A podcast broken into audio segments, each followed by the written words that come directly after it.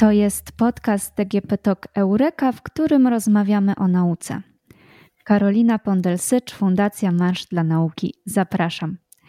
Gościem podcastu jest profesor Stanisław Czachorowski, zoolog z Uniwersytetu Warmińsko-Mazurskiego w Olsztynie. Dzień dobry. Dzień dobry. Spotkaliśmy się, aby porozmawiać o różnorodności gatunkowej w regionie Zielonych Płuc Polski, czyli właśnie o tym, jakie gatunki zwierząt możemy spotkać na tych terenach. Czy mógłby Pan na początku wyjaśnić naszym słuchaczom, gdzie dokładnie na mapie Polski znajdują się zielone płuca?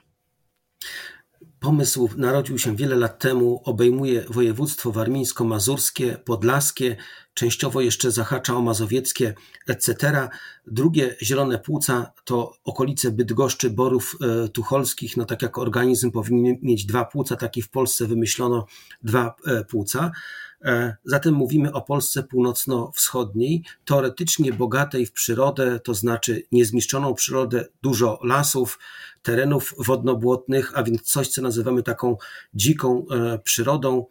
E, tutaj płuca wskazują na coś bardzo potrzebnego do życia społeczności, o ile płuca, w płucach wymiana gazowa odbywa się w drugą stronę, tutaj myślimy o produkcji tlenu ważnej nie tylko w skali regionalnej, ale również globalnej dla całej Ziemi. Czy są to bardziej gatunkowo różnorodne tereny od pozostałych części Polski, czy możemy tam e, spotkać więcej gatunków zwierząt? Odpowiem jak typowy naukowiec. To zależy. Na pewno e, większa różnorodność występuje w górach, bo jest większa różnorodność siedliskowa. Natomiast traktowaliśmy Polskę północno-wschodnią jako taki region mniej przekształcone antropogenicznie, mniej przemysłu, stąd wydaje nam się, że e, więcej jest dzikiej przyrody. Jeśli weźmiemy pod uwagę Puszczę Białowiecką i kilka parków krajobrazowych e, narodowych, to taka e, opinia jest jak najbardziej sensowna.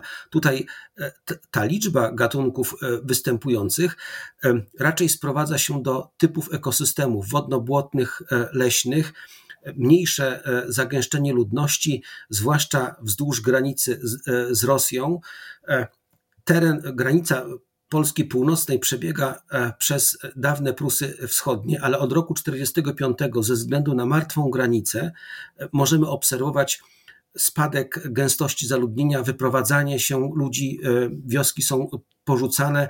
Gdybyśmy w podobny sposób nakreślili mapę Polski przedwojennej i pierwszej Rzeczpospolitej, Rzeczpospolitej, to również zauważymy, że w dawnych, przy dawnych granicach rozmieszczone są tereny leśne. Wynikało to z tego, że przy granicy z różnych względów mniejsza wymiana gospodarcza, stąd porzucanie tych e, obszarów, lepiej rozwijająca się dzika e, przyroda. Czyli tutaj e, wzdłuż granicy północnej, jak i wschodniej z obecną Białorusią możemy obserwować mniejsze przekształcenia i nadzieję, że tam jest większa różnorodność e, biologiczna, przynajmniej w niektórych ekosystemach leśnych czy wodnobłotnych. Nie do końca jest to e, prawdą, ale tutaj takie nasze nadzieje tu możemy chronić różnorodność biologiczną. Dlaczego ona jest ważna? E, bo nie jesteśmy w stanie chronić przyrody w każdym miejscu. Są miejsca bardziej przekształcone i mniej przekształcone. Tworzymy parki narodowe, parki krajobrazowe jako wydzielone obszary, w których decydujemy się, że głównym sposobem użytkowania będzie ochrona różnorodności e, biologicznej. I nie chodzi tu o jakąś tylko i wyłącznie fanaberię, żeby było dużo gatunków, bo to jest fajnie, ale w ten sposób możemy ochronić różnorodność biologiczną i dla Polski, i dla Europy, i dla świata, a ona jest ważna również dla naszego przetrwania.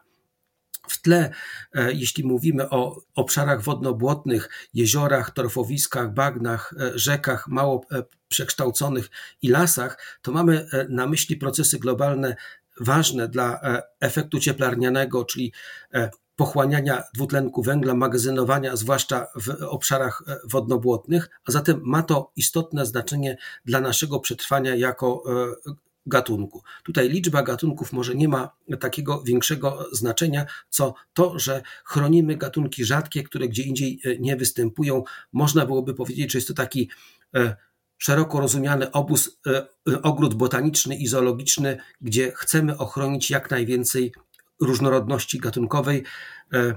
dla przyszłych pokoleń i dla nas samych również. Czy mógłby Pan y, podać przykład jakiegoś takiego gatunku, właśnie, który występuje tylko na tych terenach? E, na terenach nizinnych będzie e, mniej takich gatunków, ale tutaj rozpoczęła się na przykład ochrona bobrów, ochrona rysia, e, ochrona czy próba reintrodukcji e, jesiotra nie do końca się udała na skutek zanieczyszczeń, przekształceń, zanieczyszczeń wód i przekształceń e, koryta wiecznego, to tu rozpoczęła się ekspansja łosia.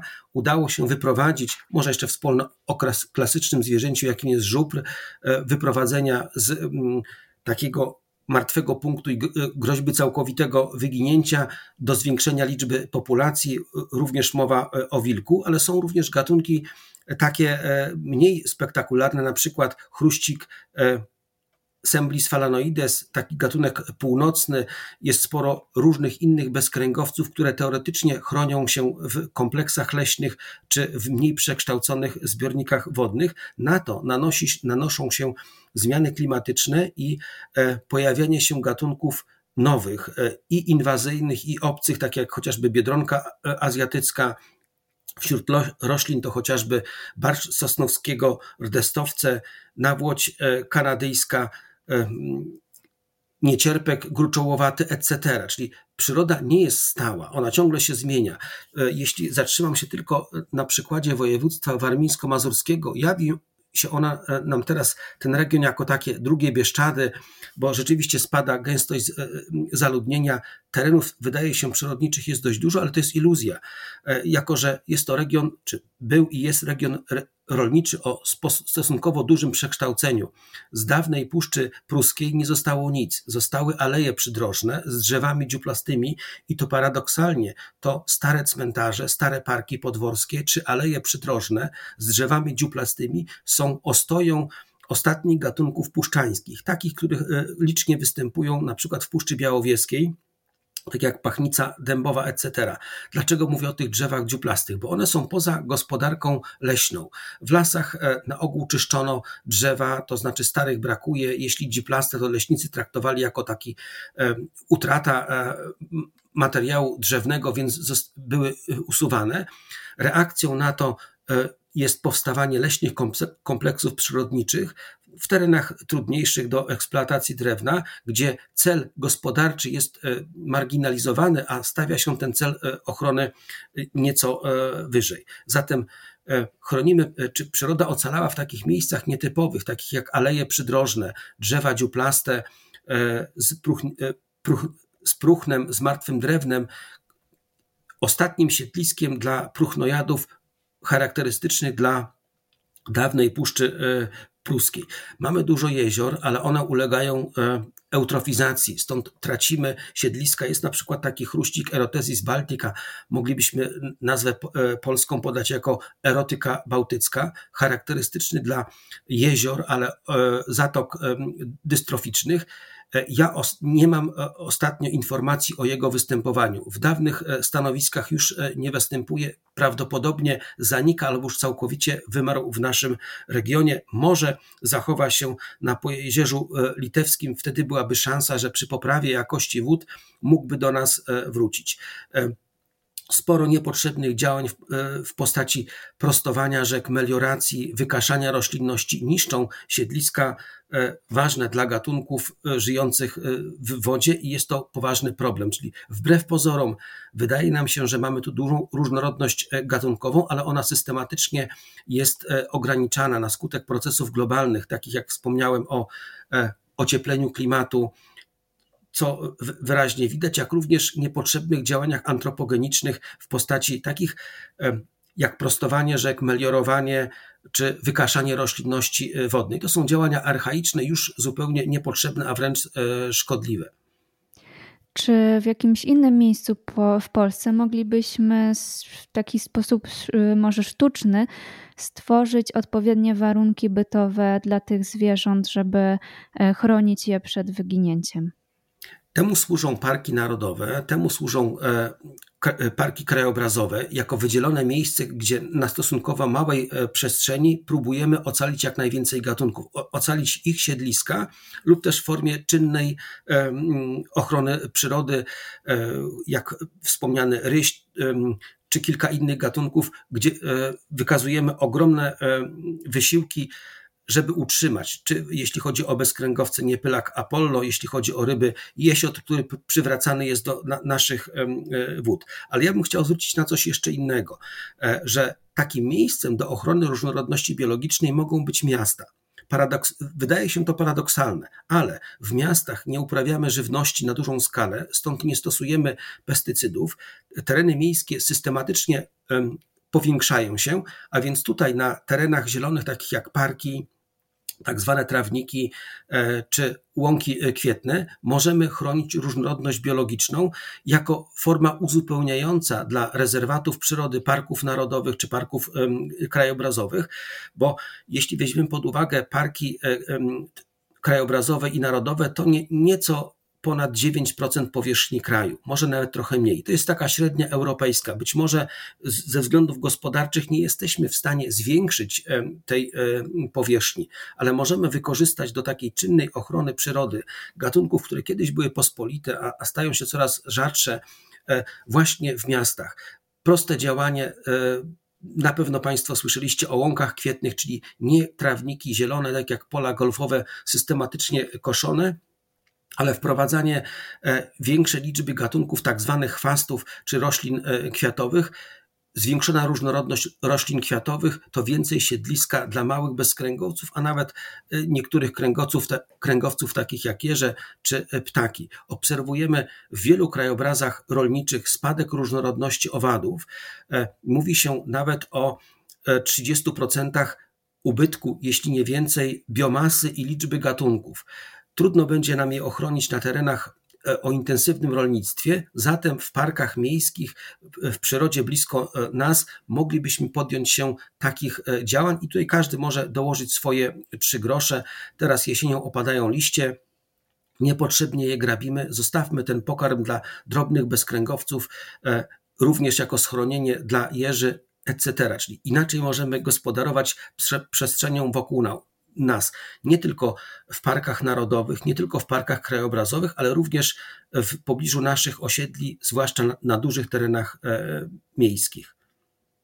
A jakie byłyby dla nas skutki wyginięcia tych e, rzadszych gatunków, które kiedyś były pospolite i teraz stopniowo e, giną? Wyobraźmy sobie dom. Wyjmujemy je, e, zbudowany z cegieł, wyjmujemy jedną cegłę. Dom się jeszcze nie zawali, ale jeśli wyjmiemy tych cegieł więcej, to możemy zagrozić stabilności budynku i to się nam zawali. Jeśli mówimy o ekosystemach, to również ubytek różnorodności biologicznej zagraża stabilności tych ekosystemów, czyli na końcu jest nasz dobrostan i nasze przetrwanie. Czyli nie jest to tylko i wyłącznie taka filantropia, żeby dużo było zwierzątek, roślin, bo to jest fajnie, bo to, bo, bo to tak wypada. W tle jest nasza egzystencja. Mówi się sporo na przykład o ubytku owadów zapylających, co groźne jest dla zapylania roślin, a więc również produkcji naszej e, produkcji żywności dla e, człowieka. Zatem w takim skrajnym przypadku mniejsza stabilność ekosystemów to straty dla e, gospodarki w postaci chociażby roślin zapylanych. Już w niektórych regionach świata to ludzie muszą pędzelkiem lub sztucznymi wibratorami zapylać drzewa owocowe, bo brakuje owadów e, zapylających. Mamy to za darmo. Jeśli stracimy, e, będziemy musieli szukać zupełnie innych rozwiązań i nie da się wyżyć na samym zbożu czy roślinach zapylanych tylko wiatrem. W końcu jest to również kwestia klimatu. E, żyjemy w czasach globalnego ocieplenia, zwiększania dwutlenku węgla w atmosferze. Zachowanie stabilności terenów wodnobłotnych to zachowanie zdolności do kumulowania wiązania czy sekwestracji węgla. Zamiast w atmosferze on może być magazynowany w torfowiskach lub w drewnie znajdującym się na terenach leśnych, w glebie e, o większej ilości e, próchnicy. E, zatem Podsumowując, to są usługi ekosystemowe, jakie możemy uzyskać z terenów o większej, większej różnorodności biologicznej.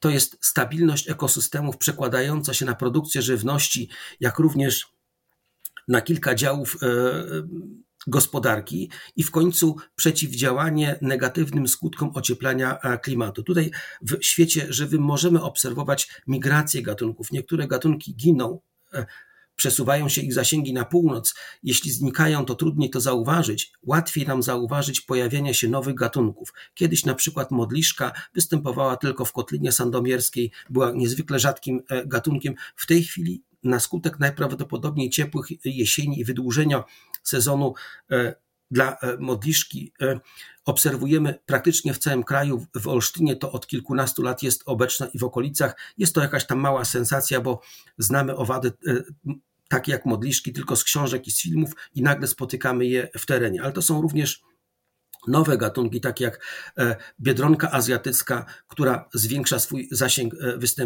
występowania. Pojawiają się gatunki obce, inwazyjne. E, to tak, jakbyśmy wkładali nowe cegły do budynku, może to naruszyć jego stabilność. Możemy spodziewać się sporych zmian niekorzystnych dla nas potrzebne jest stałe monitorowanie tego, jaka jest różnorodność, jak to funkcjonuje i ewentualne przeciwdziałanie, jeśli jesteśmy w stanie negatywnym e, skutkom.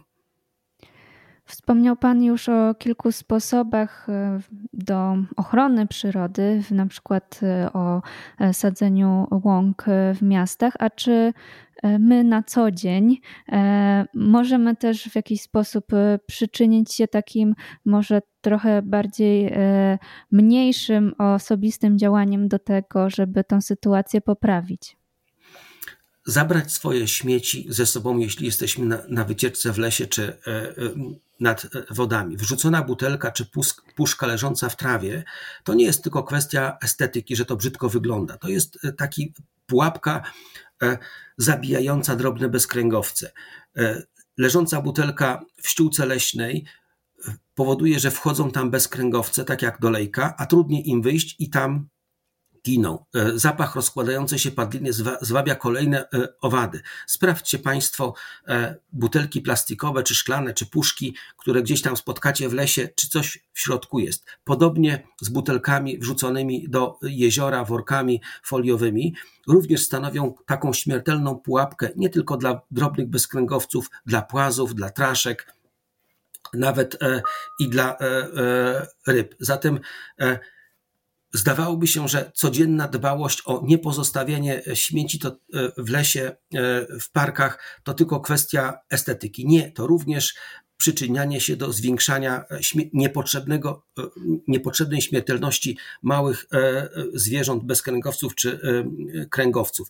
To również zadbanie o to, żeby w miastach wokół nas były jak największa różnorodność, nie tylko czysto wystrzyżone trawniki, tak jak na polu golfowym, ale nawet na skrzynce balkonowej, zamiast sadzenia kwiatów ozdobnych, które dodają uroku, możemy wysiewać tak zwane chwasty. To też rośliny piękne e, w swojej różnorodności, tak ażeby dla dziko żyjących zapylaczy zawsze był pokarm dostępny e, w, w okolicy. To również siedliska e, dla do gnieżdżenia się, czy pszczół samotnych, myślę o przestrzeni niezabetonowanej, o skarpach, to tworzenie hoteli dla owadów, e, domków dla jeży, budek dla ptaków. Skoro brakuje siedlisk do rozwoju, możemy uzupełniać to niejako e, sztucznie w postaci tak zwanych hoteli dla e, owadów. To możemy zrobić samodzielnie. Nie potrzeba wielkiego zorganizowania wielkich instytucji państwowych czy pozarządowych tak możemy wpływać. W końcu wspominałem o eutrofizacji jezior. Wszystkie ścieki odprowadzane do e, jezior, do wód, e, nawet nasze e, siusianie w lesie czy w jeziorze do tego się przyczynia. Mycie naczyń, wyrzucanie resztek organicznych do jeziora przyspiesza eutrofizację jezior, zmienia się niekorzystnie struktura i dla niektórych gatunków oznacza to brak możliwości e, przeżycia. To wszystko, co Pan mówi, jest e, niezwykle ważne i cieszę się, że to wybrzmiało e, w naszej rozmowie, ale też pocieszające jest to, że są sposoby, abyśmy mogli pomóc przyrodzie przezwyciężyć te niekorzystne i dla nas, i dla innych gatunków okoliczności związane z ocieplaniem się klimatu. Dziękuję bardzo za rozmowę. Ja również dziękuję. Gościem podcastu DGP Talk Eureka był profesor Stanisław Czachorowski, zoolog z Uniwersytetu Warmińsko-Mazurskiego w Olsztynie.